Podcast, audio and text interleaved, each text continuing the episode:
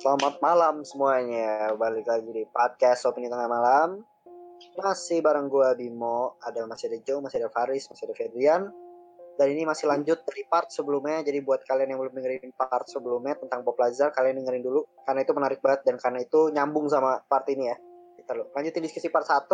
Mungkin nih gua lem, lempar batu sembunyi tangan ya karena gue nggak tahu nih Faris atau yang lain bisa menjelaskan tentang Zeta Reticuli Star System yang gue tangkap adalah karena UFO yang diteliti sama si Bob Lazar itu adalah dari sana. Sana sih Dari kita namanya juga belum Iya anjing. Iya. belum tahu Zeta. tentang Zeta Reticuli Iya. Reticuli Star System tapi Bob Lazar bilangnya apa, pesawat itu mungkin berasal dari Zeta Ret- Reticuli berapa sih ya? Gue lupa. Pokoknya tempatnya itu berapa? 30 ribu apa 3 ribu kecepatan cahaya gitu. Jadi kayak yang jauh dah pokoknya. itu jauh banget dan kita dan nggak itu bakal bisa ke sana. Nggak bakal bisa ke sana Betul. gitu. Langsung ya masuk bentuk UFO apa elemen nih bentuknya dulu kali. Gue pengen bahas sedikit sih tentang si Bob Lazar jelasin ya pesawatnya udah bahas karena mantep.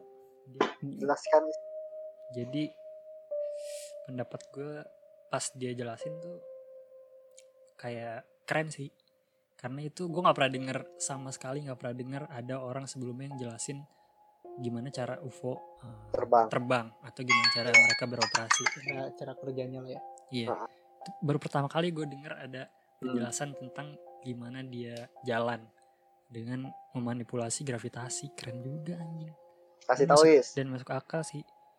Ya gue nggak ngerti banget juga sih. Jadi dia jelasin kalau mesin itu ada ada sedikit ada alatnya gitulah tiga nah itu katanya bisa Hmm. gerak-gerak buat Iya. manipulasi gravitasi jadi untuk Hmm. dia jalan kalau kalau manusia bikin kan pakai jet jadi mereka harus ngeluarin satu tenaga buat Hmm. mereka jalan ke depan nah kalau ini enggak Hmm. jadi UFO-nya tuh eh, bengkokin gravitasi di depannya ditekan jadi mereka kayak sliding aja gitu keren banget. Memanipulasi Kayak- ruang kalau Iya. si Bob Lazar kayak kayak mereka beratin gravitasi agar pesawatnya jatuh ke depan gitu.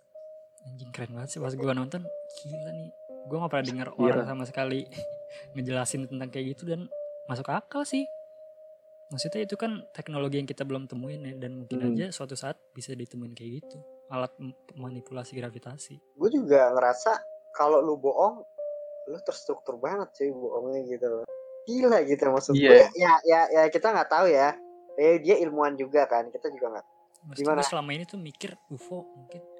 Ya punya jet mungkin yang agak lebih sedikit eh, lebih kencang. lebih Hmm, ahli dari dari kita lah. Pakai tenaga lain. Bukan bukan apa bukan roket gitu. Tapi anjing ternyata bener juga. Mungkin suatu saat kita bakal bisa manipulasi gravitasi. Terus dia ada jelasin juga yang gimana cara mereka terbang gitu. Hmm, itu juga gue baru baru pertama kali denger tuh yang jadi mereka gini misalnya pengen ke mana mereka lock dulu gini dan terbangnya gini pakai pakai perutnya gitu. Jadi kalau kalian ini ini, ini podcast nih kalau di podcast nih Hmm. tangan kalian nih telapak tangan kalian kayak biasa aja nih ke bawah nih. Oh iya gue lupa.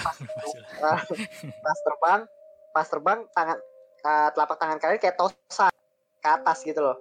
Terus kayak pakai perutnya gitu ngeng gitu loh Ya, jadi intinya UFO-nya tuh punya kayak targetin dulu gitu loh, pakai bawahnya. Jadi ngarahin misalnya ke planet bumi. Bawahnya itu gerak dulu planet bumi, terus mereka meluncurnya bukan bukan kayak piring jadinya. Eh, kayak piring kayak piring berdiri lah ya bukan kayak piring piring. berdiri Iya, bukan kayak frisbee dilempar gitu lah. iya gitu Jadi sih. itu gue juga baru tahu gitu loh dan ya kurang lebih ya kalau gambar UFO-nya sih ya sama lah hampir sama lah kayak di film-film yang digambarin dia cuma si Bob Lazar itu gambarnya secara detail detail parah ya kalau menurut Hmm. gua dia sampai dia kok nggak salah dia megang juga kan megang bahannya dan lain-lain logam logam apa gitu gue lupa Iya dijelasin kok itu apa yang tentang kayak tabung-tabung gitu dia jelasin. Mm, karena dia gambar dari sudut depan atas ya. Iya ya, bawah gila jelasinnya enak banget ya Jo ya. Jadi Ah. kayak Iya, yang yang bowling itu juga orang. sih, itu yang paling gampang kita terima sih.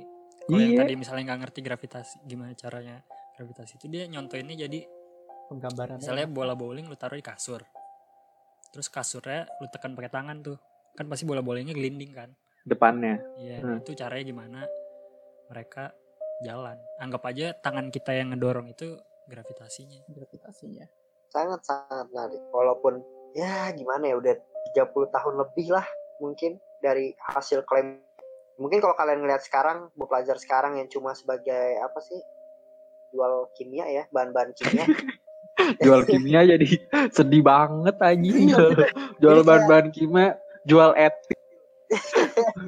Mengencer cat kuku. Mengencer cat kuku anjing. jual petasan dia buat petasan gitu. Oh iya, ju. Bikin petasan ya. iya kan karena gua mungkin kalian kalau ngeliat ngeliat dia tuh salah satu toko kimia kecil lah di satu di satu perkotaan. Kota juga kota-kota kecil lah gitu. Jadi Hmm. mungkin kalian sulit percaya gitu. Tapi kalau kalian nonton dokumenternya dan dia tuh orang yang pintar gitu. Maksud gua lu ngapain sih berbohong ketika lu punya pengetahuan yang lebih gitu loh? Gue lu bisa jadi salah satu ilmuwan yang mungkin mungkin ada namanya gitu loh. Lu Iya. bisa kerja di reaktor nuklir yang hidup lu terjamin dan lu sekarang efek dari omongan lu, lu hanya sebagai top Iya. toko Jual kimia kimia Maksudnya pasti dia sadar adanya konsekuensi dia bakal dipandang sebelah mata sama saintis lain kan. Dia bakal nggak dianggap di komunitas ilmuwan gitu loh. Dianggap Hmm. orang bodoh. Tapi dia sebagai sebagai saintis ya. Dia merelakan semua itu anjir.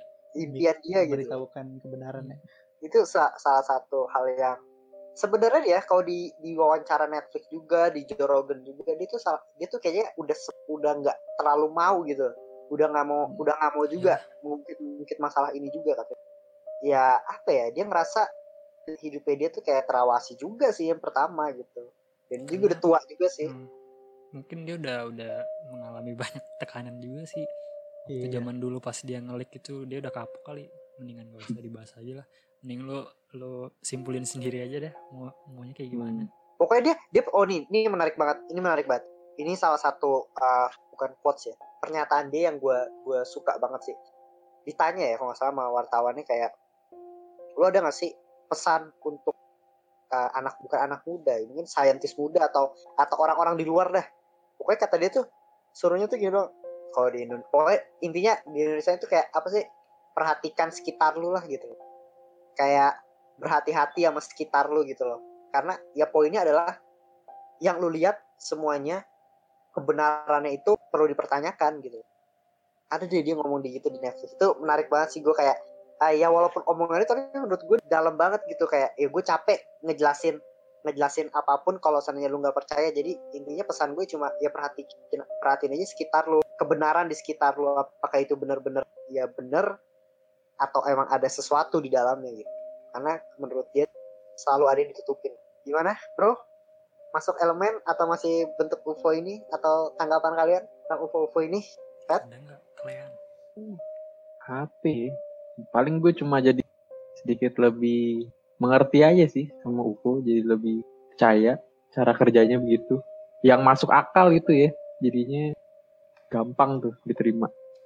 Jadi aduh panjang banget lagi. Singkat cerita aja ya pokoknya intinya elemen 115 itu ada bahan bakar. Nanti Faris bisa nambahin atau yang lain bisa nambahin bahan bakar untuk pesawat alien tersebut gitu. dan saat itu belum ditemukan bahan bakar itu. Pada tahun 2003 nih ya. Pokoknya pada tahun 2003 apa 2004 gue lupa. Akhirnya bahan bakar itu ditemukan. Gue lupa ditemukan nih Hmm. kalau nggak salah berdasarkan hasil rekayasa dari apa gitu gue lupa Hmm. Dan- pokoknya baru ketemu lah. baru ketemu lagi 2003.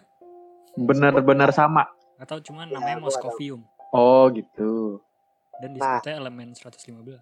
115 dan ini dikuat nih katanya Michael Sala PhD penulis buku Ex Politic Political Implication of the Extraterrestrial Presence menyatakan dugaan bahwa ada kemungkinan berhasilnya ditemukan elemen ini akibat pernyataan si Bob Lazar. Jadi dia bilang tuh di bukunya elemen 115 ini yang ditemukan pada tahun 2003 atau 2004 berhasil karena adanya pernyataan dari Bob Lazar. Jadi Bob Lazar menyatakan elemen itu ada. Gue lupa itu secara detailnya karena terlalu apa ya fisikawan atau sains banget Hmm. dan itu membuat ilmuwan lain di dunia terpacu atau penasaran sama elemen itu gitu dan akhirnya kayak mereka merekayasa dengan alat yang lain-lain ditemukanlah elemen 115 pada tahun 2003 jadi salah satu pemicunya adalah Bob Lazar. Ya kalau ditarik garis benang make sense aja sih lo bilang saat itu elemen 115 ada dan orang nggak ada yang percaya. Mungkin ilmuwan bilang apaan sih ini? Gitu sebagian ilmuwan ada yang apaan sih ini? Tapi sebagian ilmuwan kayak Penasaran. iya penasaran nih gitu loh. Akhirnya ya penataran lebih lanjut ada oke jadi elemen 115 ini yang tadi udah dibilang ditemukan tahun 2003 nah ini sebenarnya yang menarik. Ah, mungkin nanti kalian bisa jelasin secara lengkap ya. Mungkin Faris sih gue tuh lempar-lempar aja dulu bos gitu. Secara detail jadi Bob Lazar itu dua kali digebek sama FBI gitu. Jadi ini sih masih asumsi. Katanya Bob itu mengambil atau nyomot lah elemen 115 ini gitu loh. Dan dia dua kali digerebek digerebeknya itu bukan gerebek youtuber-youtuber gitu ya.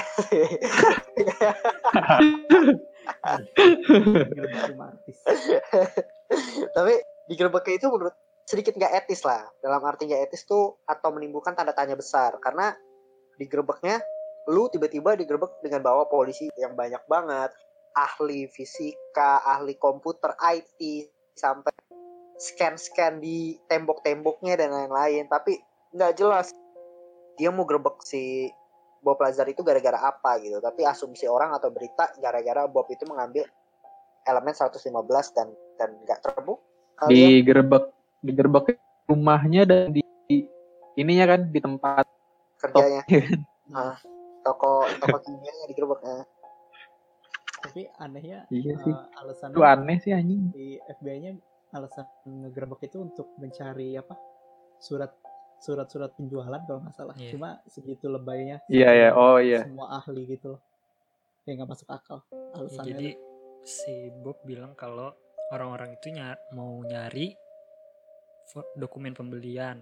Katanya tuh dicurigain dok apa pembelian itu adalah salah satu bahan kimia yang beracun lah ada potensi ada racunnya Hmm. gitu berbahaya. Tapi kata Bob eh, nggak masuk akal gitu. Dia bisa bisa aja minta lewat telepon atau via email yang dokumennya Hmm. dikirimin sama Bob aja gitu. Misalnya PDF-nya atau apa kayak ya itu ngapain harus pakai harus harus datang didatengin dan Iya. lengkap banget sama komputer expert lah sampai makanya di iya data. ramai banget. Katanya dia sampai di di labelin gitu setiap per meter kubik yang di di Hmm. apa? Dicari. Gila juga sih. Iya. Si Bob itu ngerasa kalau itu sebagai pesan dan ancaman juga katanya. Kalau kalau lu tuh diawasin gitu ada yang ngawasin. Iya. iya lah pasti disadap cuy. Ditaruh ya? Gitu. bahkan yang di dokumen di dokumenter aja Dokumenternya digerebek pas lagi kan? iya setelah mereka ngomongin elemen 115 besokannya digerebek anjir. Digerebek iya. Padahal padahal udah ini ya yang kalau nggak salah dia ngomongnya tuh di di hutan gitu kan? Iya di hutan. Hmm, terus HP-nya terenkripsi. itu disuruh ini nih kalau kalian belum tahu jadi pas di dokumenter itu Bob Lazar kayak ditanya lagi tentang elemen 15 tapi itu dalam apa ya persetujuan Bob Lazar Bob Lazar setuju juga di hutan. HP-nya itu dimatiin ditaruh di mana gue lupa dia ngomong tentang tentang tapi di di rekamannya juga nggak nggak nggak di dikasih apa ya nggak dikasih lihat cara ininya. Dia ngomong dan gak lama digerebek lagi sama si FBI itu kayak wah gila. Men canggih bisa banget. kita anjir kita gue takut dah. Tapi ini jujur ya. anggapannya kayak lu sampai dari dulu sampai sekarang HP lu masih disadap anjing. Komunikasi lu semua masih diawasin gila. Udah pasti. berapa puluh tahun. Ini gue juga nggak tahu sekarang kita kan tapi jujur ya kalau seandainya kalian menyadap kita gue butuh kebenaran. Asik. Serius entah alien nih yang sekarang lagi dengerin gue nih yang lagi ngerekam kita kan. Sapa dulu ya Bim sapa Bim? Oh iya. Halo. Halo, White Hall gimana gimana? Gue sih udah habis. Eh, tentang penggerebekan ini ya. Iya sih gue juga pas nonton aneh banget sih maksudnya kayak di dia bilang kan emang masal ya secara bener-bener rame. Maksudnya seberapa berbahaya anjir si Bob ini cuma toko-toko gitu doang kayak bener-bener proper bener-bener sampai kayak dicari segala macem maksudnya apa ini Katanya Iya, sampai kayak- diliatin gitu kan. Dia lagi milih kunci katanya diliatin dari belakang. Oh iya iya. Terus diomongin gitu. Gue agak, agak Anjir. merasa aneh gitu. menarik. Bob Lazar nih gue nggak tahu percaya atau nggak. Cuma nih ini ini unik sih. Ini ini ya lucu aja. Gue juga nggak menemukan sebenarnya fak kenapa sih Bob bohong sih. Kayak biasanya kan kalau ada ada teori Bob benar dan Bob bohong misalnya. Tapi yang ya, Hmm. yang kita gue temuin sih Bob bohong gitu. Bob bohong aja tapi nggak ada kebenaran karena dia Hmm. dikasih tahu teori konspirasi. Cuma Bobnya juga kayak ya lu percaya apa enggak? Itu urusan lu. Dan di Joe Rogan nih unik nih. Jadi ini, ini ya gue nggak tahu ya. Si Bob itu ketika ditanya hal yang lebih mendetail dia itu selalu ah, memberikan alasan kalau dia itu migran cuy. Dan kayak partnernya nih kan dia kayak bareng sama si partnernya dan dan si Joe Rogan juga ngomong kayak tenang tenang uh, dunia uh, seluruh orang yang dengerin juga bakal maafin lu karena kan emang lu punya penyakit migrain gitu. Jadi ketika lu mengingat masalah terlalu detail lu suka sakit kepala tapi si Bob itu hebatnya selalu gini cuy. Kayak uh, sebentar gitu maksud gue kasih gue waktu untuk mikir gitu loh. Jadi dia kadang suka ada dead air kan. Ketika ditanya dia bukan nggak bisa jawab tapi dia diem terus dia kayak it's it's gitu gitu loh. Terus katanya Hmm. uh, it's okay kalau lu lu migrain kita skip. Tapi dia kayak ngomong enggak sebentar sebentar gitu. Terus ngomong ke hal lain baru dia balikin lagi. Tapi kayak ya lucu aja gue nggak bilang dia bohong ya tapi kayak lucu aja Tapi Efek yang dari- lu bilang tentang fakta itu, so gue di dokumenter dia berani ya kalau diadu dengan ada fakta yang lebih ini sama kayak fakta penyangkalnya ya, bener gak sih? emang ya yang iya, yang dia ngomong tuh di dokumenter kan banyak yang bilang dia menyangkal, tapi bener kata lu tadi Bim kayak cuma bilang Bob Bob bohong, udah tapi tidak ada fakta kenapa dia bisa bohong. Oh, Terus iya, dia iya. kayak nantangin gitu. Heeh. Tuh maksud gue kayak kenapa dia bisa seberani itu sih, jadi jadi kerennya itu sih Bob. Iya. dan si George Snap-nya itu salah satu reporter yang pertama kali ngeliput dia dia juga ngomong aja dia tuh nggak pernah memaksa audiens untuk percaya sama Bob Bob intinya kayak kalau lu bilang Bob bohong ya udah gitu tapi kalau seandainya lu lebih deep mencari informasi gitu loh dan lu percaya ya ya udah juga gitu jadi kayak George Snap juga nggak mau ngambil pusing juga sih karena ya kasus ini emang sulit dipercaya ketika Bob ngomong hanya lu percaya aja sama sama dia gitu loh. Walaupun ya masuk akal sebenarnya. Ya gimana lu gimana lu nggak mengasumsikan atau mikir aneh-aneh ya terhadap area 51 karena area 51 pun juga nggak dibuka kan walaupun pemerintah cuma ngomong itu senjata senjata Hmm. udara Amerika gitu. Itu sih gimana tanggapan kalian nih sebelum gue masuk kayak ada fakta unik lagi nih gue tentang terhadap migrain, Buzzer tentang migrain ya.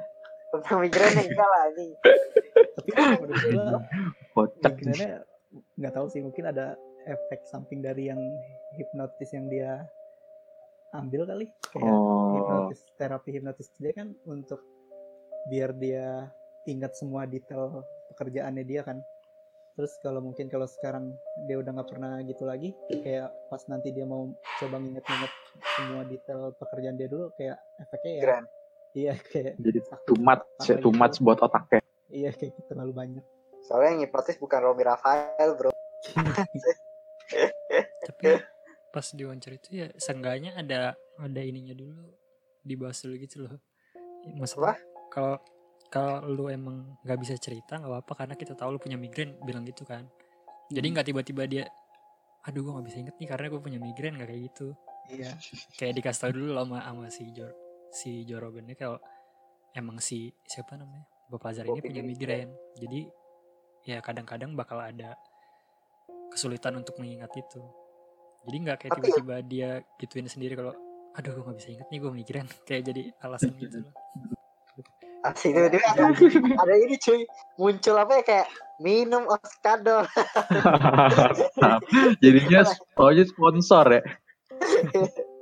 semoga dengan podcast kita terangkat juga ya Bob Lazar ini Iya sih, Hmm. kasihan anjir. Gue aja juga baru tahu. Iya, kita semua baru tahu Banyak pasti orang nggak tahu. aku masuk lagi nih ya Eh, habis itu kita diskusi selengkapnya tentang Bob Lazar jadi tuh dulu nih ya nggak dulu sih belum lama lah ada petisi nyerbu area 51 Hmm. Iya, bukan yang na- yang Naruto, Naruto. Naruto. Naruto. Anjing Iya, lah. yang, yang Naruto ada aja.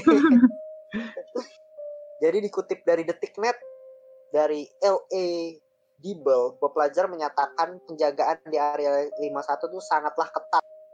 Bahkan ia mengklaim ada orang yang mencoba masuk ke sana dan ditembak mati, kata dia. Selain itu, menurut dia pusat penelitian alien itu udah nggak ada di area 51. Saya harus berkomentar soal penyerbuan area 51 ini. Saya paham hal ini dimulai sebagai candaan. Tapi ada beberapa orang yang berencana sungguh datang. Dan ini adalah ide yang sesat kata dia. Area 51 merupakan fasilitas riset tidak ada alien atau atau teknologinya yang berlokasi di sana. Satu-satunya tempat yang pernah ada teknologi alien adalah SIT atau S4 yang dekat dengan area 51 tapi itu udah 30 tahun silam. S4 mungkin sudah dipindahkan berdekade lalu eh de- eh, dekade lalu dan mungkin tidak dipakai lagi. Saya nggak dukung dengan penyerbuan ini. Jadi Bob Lazar bilang uh, area 51 ya mungkin udah bukan tempat alien lagi dan mungkin udah dipindahkan juga Hmm. terhadap benda alien itu gitu. Dan Iya. uh, ini gue jadi inget nih di dokumenternya kalau nggak salah ya dia juga jadi divisinya dia itu kan tentang yang UFO ya. Tapi ada divisi lain yang emang meneliti aliennya. Ya nggak sih? Gue lupa deh. Hmm. kalau kalau kalau kalau gue salah revisi lah. Ada divisi lain yang emang meneliti tentang tentang aliennya itu sih. Lebih kayak ke organ dan lain-lain gitu. Dan dia lebih ke bagian yang teknisi kapal UFO itu. Gimana guys tanggapan kalian keseluruhannya ini Bob Lazar gue mau nanya yang tentang ini deh yang apa yang barang terakhir yang dia ambil itu kan akhirnya dikasih unjuk tuh yang hitam-hitam itu Bukan itu Oh. beda kayaknya dah. itu apa ya tapi dia bilangnya juga ini nggak ada di bumi si elem apa si bahan itu Ya tapi itu bukan elemen 115. kan? iya emang bukan yang dicuci sama dia aja. Iya. iya Katanya itu dia. ini benda luar angkasa katanya banget luar gitu. angkasa katanya iya enteng banget Kayak boba. Kayak boba iya sih Aduh, beban. ya gitu sih kalau dari Bob Lazar sendiri sih. Panjang sih sebenarnya, kalian bisa lebih detail. Hmm. Ini aja kita dua part ya. Dan kita akan dari Bob Lazar ini kita akan bahas hal yang lebih menarik lagi sih. Kalau menurut gua kita akan bahas area 51 cara detailnya itu ada apa aja, konspirasinya itu apa Hmm. aja. Kita juga akan bahas bentuk alien, kesaksian orang yang diculik alien, Man in Black, orang-orang yang terlibat, terus juga ada film-film tentang alien juga dan ada Roswell, kasus Roswell. Harus kasih sinopsis sedikit mungkin nanti ya. Oke, gimana? Si tentang Bob Lazar ini kita diskusi aja lah, udah selesai sih materi. Kalau dari pandangan gue pribadi, Bob Lazar ini oke, kita ngomong tentang bohong atau Hmm. gue sih percaya sih kayak uh, terlalu banyak kebohongan anjir di di di di dunia ini gitu. Iya kan? Iya, apa pun itulah pasti. Gak usah di permintaan deh, circle kecilnya deh gitu loh. Kayak dari kita berempat, dari kita berempat pun kita pasti juga pernah kan yang namanya berbohong gitu loh. Atau masih ada hal yang kita tutupin gitu loh. Itu baru dari skala kecil grup, mungkin apalagi secara politik dalam satu negara gitu. Dan ini melibatkan dunia gitu loh. Dan dan kita Indonesia hanya negara berkembang yang belum mencapai ke sana gitu. Kita nggak tahu dan ki- kita cuma hanya bisa berspekulasi sih kalau menurut gue ya. Dan ngeri juga sih sebenarnya untuk hal-hal seperti ini yang kita omongin sekarang pun ya mungkin kita bukan siapa-siapa ya kalau misalnya kita siapa-siapa mungkin mungkin juga berefek juga terhadap kitanya kan gitu sih kalau menurut gue Dari apa yang gue lihat sejauh ini percaya sih gue. Dia ceritanya nggak kayak orang bohong, detailnya banyak. Terus misalnya ditanya sama Joe Rogan misalnya "Eh, apa yang pertama kali lu datang di situ gimana rasanya gimana? Caranya dia jawabnya langsung tek tek kayak dia nginget sesuatu misalnya gue ngelewatin ini ada ada misalnya besi apa ada eh, kayak detail gitu loh dia ngejelasin ruangannya. Kayak orang bohong tuh nggak nggak bakal ngejelasin detail itu dia pasti jelasin kayak misalnya gue datang ke situ gue ngeliat alien gue ngeliat apa. Dia jelasinnya kayak gue ngelewatin ini gue ngelewatin proses ini gue ngeliat eh, di jendela ini misalnya besinya bentuknya kayak gimana dia sampai kayak gitu kalau orang bohong gini lah Is kalau ditanya kamu tuh berapa orang satu Oh, delapan enam orang. Oh, itu orang bohong tuh. Udah orang bohong, orang bego anjing. Iya, kamu berapa orang? Ya sabar dulu, Pak. Anjing, cuma goblok anjing. itu habis itu itu migren habis itu migren habis itu migren lagi. Ya, Nah, itu maksudnya tadi kita balik lagi. Benar, gue setuju sih sama Faris. ini juga sih banyak pernyataan yang dia dia kasih tahu yang kita sebelumnya nggak tahu kayak misalnya Hmm. S4 dia dari mana dia tahu S4 Iya. S4 nggak nggak pernah dibahas di mana-mana orang nggak ada yang tahu dan keti- ketika diteliti benar S4 ada ada sebuah sebuah gedung penelitian di daerah area 51 di Nevada S4 bener ada terus kayak apa lagi ya Ini benar sih. Ya, kita tahu cuma Area 51 ya. Mm-mm.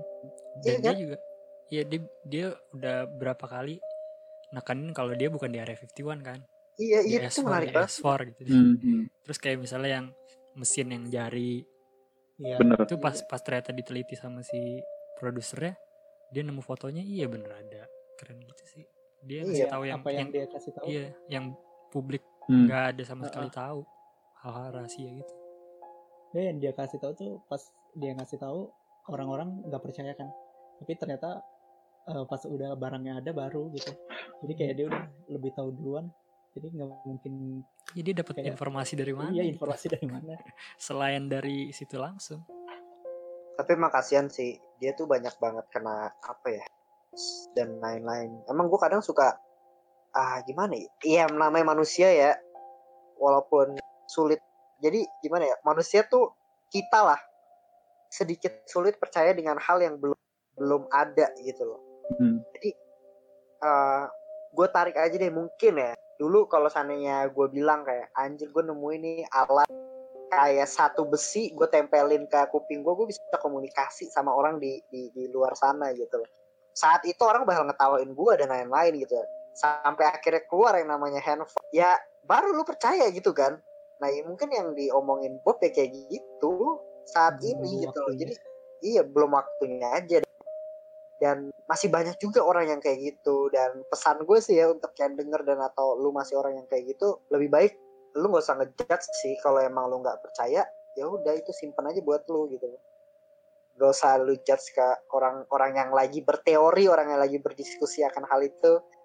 Yang nggak Hmm. bodoh.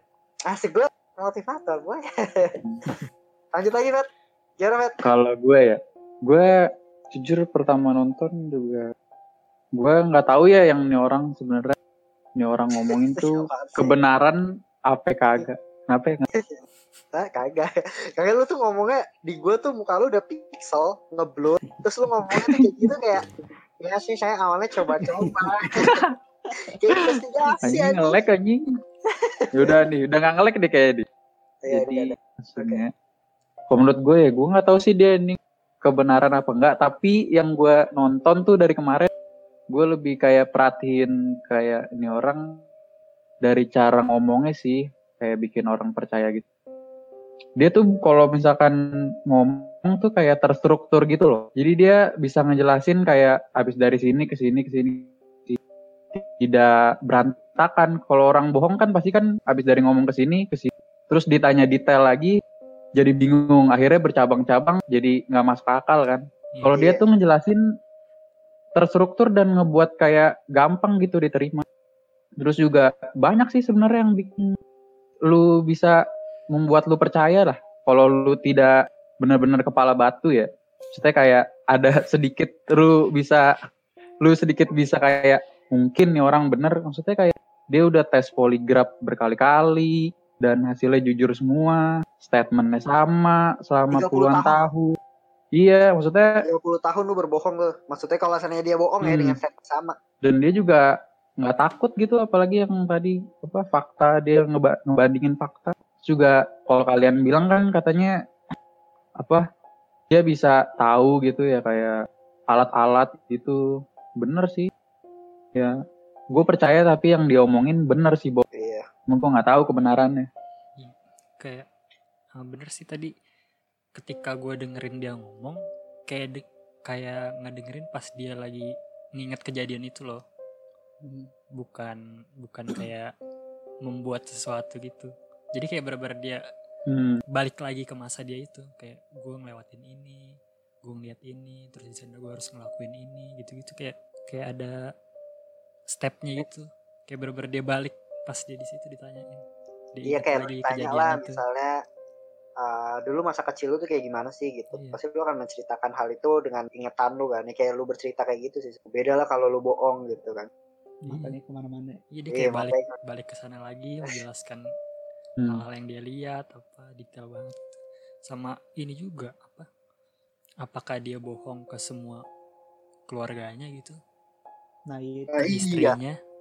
Hmm. Bener sih itu. selama puluhan tahun ya iya maksudnya kalau misalnya gue bohong pasti gue ngasih tahu salah satu dari lu iya sih Logika itu tuh sangat-sangat logika sih sebenarnya. maksudnya kalau Hmm. gue bohong pasti Fat sebenarnya gue bohong ya gue ini cuma cuma buat apa viral doang jangan kasih tahu gitu gitu pasti ada salah satu orang yang gue kasih tahu lah nggak mungkin semuanya dan di dokumenternya dibilang juga kan kayak keluarganya teman-temannya bilang gue selalu mengatakan hal yang sama ke mereka nggak ada yang beda Ya, ya sih kayak gitu sih.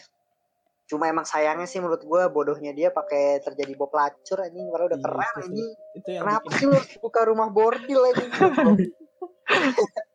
jadi yang menguatkan kayak ya lu katanya fisikawan lu gitu. Maksudnya jadi kayak gitu loh, Bet. Ya, Kesel Hmm, bener-bener. ya, tapi kan reputasinya udah hancur sebagai fisikawan dia udah nggak ada jalan lain saya, saya buka rumah bordil ya. Demi duit bro Oke, tapi, tapi kan itu dari ya. yang Ada nggak? kasus kasus itu jadi malah makin gue percaya lagi tuh yang dia suruh ngaku Hmm, iya sih. Iya iya. Iya yang dia bilang, lu udah mending aku daripada gue penjara gitu loh. Hmm. Tapi di luar dia bohong atau enggak, sebenarnya kasihan sih sama dia. iya Kayak gara-gara hal itu hampir setengah hidupnya kayak Hmm. nggak tenang. Iya, iya. Merasa diawasi terus ya. iya di Iya, yang interview terakhirnya masih diawasi Fat gila. yang di dokumenter tuh yang dibilang lu nyaman gak ngomongin tentang hal ini dia langsung Iya. enggak enggak nyaman Enggak, langsung gitu Langsung kasihan ditembak bilang enggak. Iya sih. nggak ada mikir sama sekali Yes, gue tutup ya. Boleh. Kita kasih sinopsis dulu. Ini kan udah ini part 2 lah. Berarti next selanjutnya kalau sesuai ini kita akan bahas tentang Roswell. Jadi Faris sinopsis sedikit tentang Roswell is. Tuh gue lupa pokoknya di Roswell itu ada Duh, baru tuh satu langsung ini dah ditembak dia. Nah itu mau belajar tuh kalau terus kayak gitu. Kayak gitu tanya. Berarti gue bener kan jujur kan soalnya baca udah setahun dua tahun yang lalu pokoknya intinya di Roswell ada ada pesawat ada barang jatuh gitulah terdampar gitu dan Kayaknya fotonya deh. Banyak saksinya Nah. tapi akhirnya di berita diumumin kalau itu kayak bukan gitulah kayak militer gitulah percobaan militer gitu Jadi tapi banyak ada- banyak saksinya yang lihat itu tuh Itu pesawat ada ada aneh. ada pesawat jatuh gitu pesawat dia dibilang ya lu tau lah bentuk pesawat gitu masa kalau kalau seandainya kesaksiannya dia ngomongnya benda aneh kalau nggak salah deh bukan pesawat ya kayak jadi ya lu tahu kalau pesawat bentuknya gimana tapi kan ini ada ada satu Benda benda asing gitu. Pokoknya saya ingat gue ini sih pemerintah berusaha nutupin dengan alasan yang masih kurang memuaskan gitu loh yang agak nggak masuk akal menurut gue. Dan banyak saksinya di kejadian Roswell itu. Salah Iya. satu kasus UFO yang paling paling gede. Fenomenal. Iya, Oh, paling gede. paling paling mudah dipercaya. pemerintah nutupinnya dengan alasan-alasan yang kurang masuk akal aja itu sih habis kita bahas Roswell kita bahas area 51 bentuk alien kesaksian-kesaksian orang yang yang tentang alien dan lain-lain gitu ya Kapan nih Tapi- kita bahas tentang ini nih? Gue mau nanya nih. apa Yang kan zaman dulu banyak tuh artefak-artefak yang kayak apa gambarin UFO alien. Hmm, iya, Itu iya. kapan tuh kita bahas? Hmm. nanti bro Oh, pasti kita. Part-part berapa sih? Minggu Aduh, lupa. part keberapa ya. Pokoknya intinya edisi bulan puasa ini opini tengah malam akan keluar seminggu dua kali bro. Tuh bener-bener menarik sih tuh. Anjing. Jadi Kayak- kita tema bulan ini kan puasa ini adalah alien dan ya mungkin kalian kalau yang request request tentang yang lain kita akan tampung tapi selama sebulan ini alien dan apa ya? Oh mungkin ini ya biar biar biar pendengar tahu juga banyak banget nih yang request dark series mungkin ya kita akan bahas sebelum part tiga, eh, season 3 nya keluar jadi biar lebih fresh sih. kita akan Tapi kalau breakdown ini apa? Apa? Misalnya lu jadi bagian dari pemerintah. Terus ada UFO nih, ada alien. Apakah lu setuju untuk disimpan atau di, lu keluarin? anjing juga pertanyaannya sih. Lu pikirin dampaknya gitu maksudnya ke masyarakat kalau lu ngeluarin. Siapa tahu persepsi lu lagi jadi berubah kan gitu untuk Iya sih bener. jadi sisinya pemerintah. gue tapi karena gue salah satu orang yang pengen tahu sebagai masyarakat biasa ketika kita nih sekarang nih kita rasa penasaran kita nih pengen tahu dan ketika kita masuk ke pemerintahan dan kita mengetahui hal itu apa yang kita lakukan sebarkan atau enggak sebenarnya pengennya nyebarin sih gitu loh Pastilah semua orang deh kayaknya dah. Pengen Iya. pamer ya kok. Udah pernah lihat belum lu alien anjing? Cuma ya, balik lagi kalau lu sebarin ya pasti lu cuma dibilang apaan sih lu kayak Enggak maksudnya resmi jauh Sebarin terus bener-bener dipamerin. dampaknya pasti ada iya banyak anjir. dampaknya pasti banyak Iya sih. Makanya- Makanya itu yang bikin mereka nutupin gitu. No, iya sih Iya sih Mas Wahyu juga. Yang gue pikirin sih dampaknya gini. bisa hidup bersama ya Misalnya adanya alien pasti bakal ngubah persepsi kita. Misalnya pola pikir lah eh, bakal ke agama juga ke ketuhanan. Oh juga. iya bener-bener. iya makanya Misalnya- itu yang bikin chaos sih Iya bakal bis- bisa bikin chaos juga kan. Misalnya Hmm. ada saatnya mereka menyimpulkan bahwa eh, misalnya di kitab itu alien gak ada. Terus mereka menyimpulkan misalnya alien diresmiin ada, mereka bakal nyimpulin berarti apakah Tuhan ada atau enggak pasti bakal kayak gitu sih. Hmm. banyak Dan sih jadi bikin orang iya jadi nggak bermoral ngelakuin apa aja. Itu baru dari satu sektor ya. satu Iya, sektor kan. Belum lain-lainnya. Serem Tapi juga gua ya ternyata mikirnya- dampaknya kalau gue mikir gitu. anjing. gue tapi gue kalau gue mikir pertamanya kalau misalkan disebarin resmi kalau alien ada nanti pasti gue mikirnya satu saat akan kita akan hidup berdampingan gitu Asih. tapi antara siap juga siap Dampingan anjing. Tapi kita jadi hewannya alien ya. ya, maksudnya sama gitu. Siapa tahu sekarang udah Fet. Iya. Kita harus sebuah simulasi. Tapi kita tapi kita nggak sadar ya, jangan Iya kita The ya gue. iya. Kayak Percobaan. gitu sih kita pet Kalau- anjir. apa ya dampaknya dampaknya akan akan ke hal itu karena nggak semua orang pasti bisa nerima hal itu juga gitu Mm-mm. walaupun ya kita bahas ini juga bukan berarti kita berempat nggak beragama gitu maksud gue kita Hmm. beragama Ya, benar benar. bener Nah, loh ini maksud bener gue nih, Bim. ini harus ditekankan juga gitu loh gimana ya ketika lu bahas agama lu nggak bisa menyangkut pautkan dengan hal lain gitu dan ketika lu bahas hal lain misal lu bahas fisika ya lu jangan menyangkutkan dengan agama juga. Pokoknya intinya hal sebaliknya lah karena itu akan menjadi kok ketika lu menyambung nyambungkan fisika dan agama karena banyak banget hal yang nggak akan nge-clash gitu loh. Makanya banyak banget ilmuwan yang akhirnya dia nggak percaya akan dia hanya bertuhan dengan ilmu pengetahuan. Baik banget tuh kalau lu kalau lu ini kan. Jarang banget yang percaya agama jadi ya jangan disangkut pautin lah. Gitu. jadi open minded aja gitu tentang hal ini gitu sih. Oke pamit ya. Hmm. intinya sudah 45 menit juga. Kita bahas sudah ngoceh juga udah lama. Dan gue juga baru ingat, ternyata ada yang request juga loh tentang tentang alien ini. Gue lupa namanya dari pendengar pendengar kita juga lah pokoknya. Gue Bimo konspirator pamit. Gue Fedan labil cabut.